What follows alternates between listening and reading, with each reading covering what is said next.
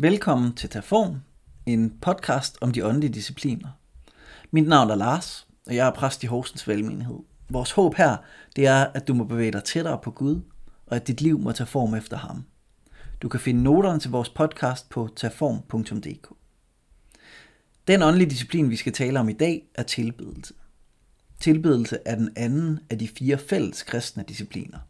Bekendelse, tilbedelse, vejledning og fejring.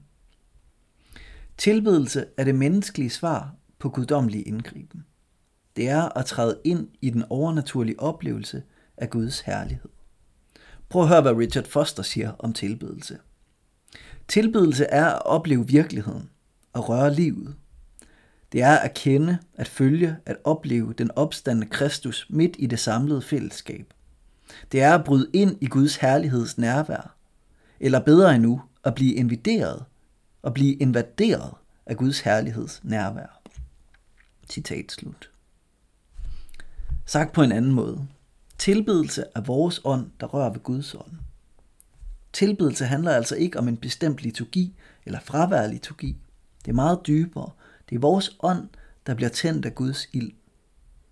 Og forhåbentlig så hjælper alt det, vi kender fra Guds tjeneste og liturgier, tilbedelse, bøn, lovsang, pris af Gud. De ting er ikke i sig selv tilbedelse, men de kan lede til tilbedelse. De kan lede til, at vores ånd rører Guds ånd. Vi må tilbe, ligesom Jesus han gjorde. Han sang sammen med disciplene.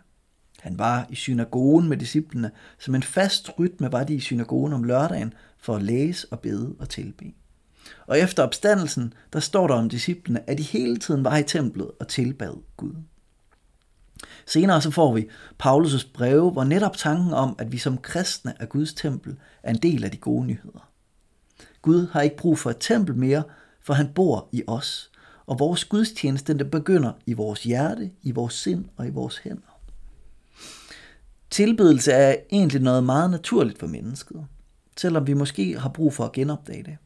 For det er som Augustin siger i sin bekendelse, du har skabt os til dig selv, og vores hjerte finder ikke ro, før det finder ro i dig. Eller som Jesus siger i Matteus evangeliet kapitel 4. Du skal tilbe Herren din Gud og tjene ham alene.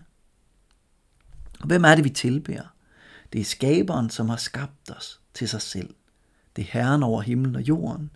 Det er Gud, som sidder på tronen. Vi skal tilbe, fordi vi er skabt til det. Fordi vi finder hjem i det. Men også fordi det, vi giver opmærksomhed til, det formes vi efter. Det, vi tilbærer, det bliver vi ligesom. Det er derfor, Paulus han siger, at alle dem, der ser Herrens herlighed, formes efter det billede, som de ser.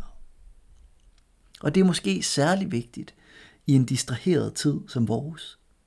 Digteren Mary Oliver skrev et sted, Attention is the beginning of devotion. Tilbedelse har haft mange forskellige udtryk igennem kirkens historie. Fra stille fælles meditation til hurtig og festlig lovsang. Fra de nyeste megakirker til de ældste husmenigheder. Fra de gregorianske sange til de lutherske salmer. Fra det enkle til det storladende. Fra det lette til det tunge. Fra det talte til det sungne. Fra det kontemplative til det karismatiske. Fra det folkelige til det mystiske. Tilbedelsen har haft har fortsat mange forskellige udtryk. I den karismatiske tradition, som jeg er en del af, har man ofte en lovsangsleder til gudstjeneste og til møder. Stereotypen er en mand med guitar. Og jeg elsker Pete Gregs vejledning til lovsangsledere. Han siger, tre enkle skridt til at lede lovsang. One, practice wonder. Two, invite others to wonder with you. Three, practice guitar. Optional. Øv dig i at være betaget af Gud. Inviter andre til at være betaget sammen med dig. Og så kan du øve dig på guitar, hvis du har mulighed for det. Og det er en meget god indgang til at give noget vejledning til, hvordan vi praktisk kan øve os i tilbedelse. For det begynder for os alle sammen med at øve os i at være betaget eller beundre Gud. Practice wonder. Og faktisk er der en dyb sammenhæng imellem de øvelser, som du gør derhjemme i tilbedelse, og så dem, du kan gøre fælles sammen med andre. hvis du har en sund rytme af hengivenhed til Gud i bøn og studie og meditation, så vil den fælles ugentlige tilbedelse være en naturlig forlængelse af det, som du allerede har gang i derhjemme. Det første skridt i tilbedelse er altså at øve sig i at beundre Gud. Og du begynder derhjemme, eller du kan begynde sammen med andre. De to ting hænger sammen. Det andet, du kan overveje, det er at prøve mange forskellige ting.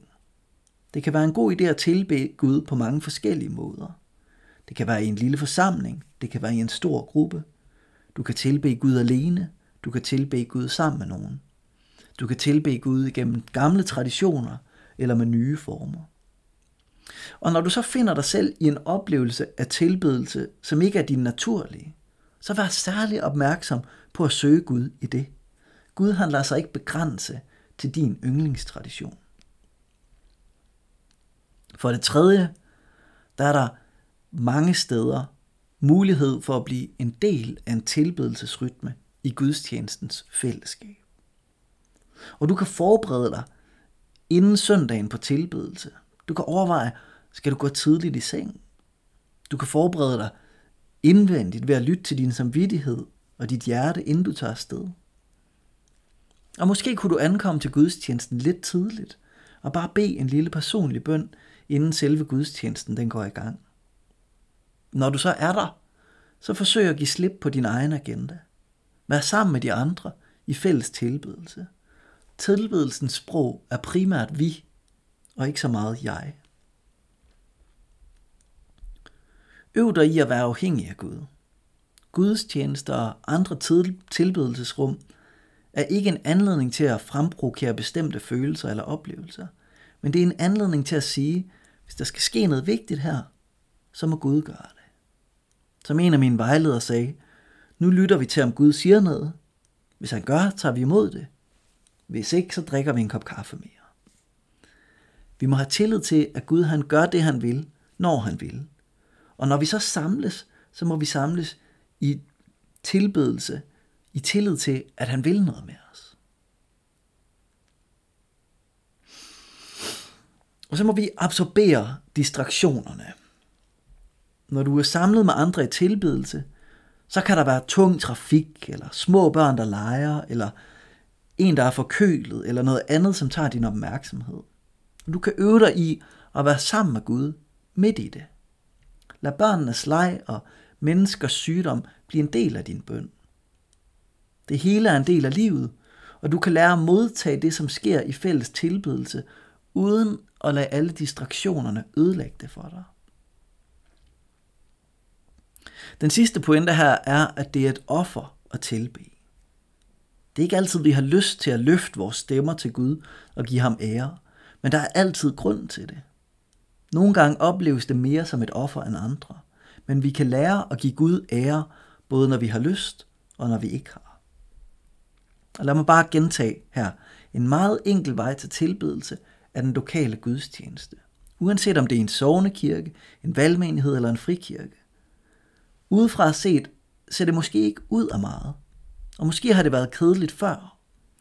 Men for den, der søger, der kan det blive et møde imellem Guds ånd og din ånd. Og ja, det er en åndelig disciplin.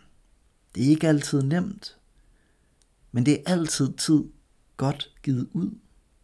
Og kan vide, om der ikke er nogen, der lytter, som lytter med her, som oplever et kald til at forpligte sig på at finde en ny rytme for tilbedelse – en ny indstilling til det kristne fællesskab. Måske er der nogen, der lytter med her, der skal flytte den ugentlige gudstjeneste op på prioritetslisten, så alt muligt andet ikke kommer før det. Må hele vores liv blive en lovsang for Herren.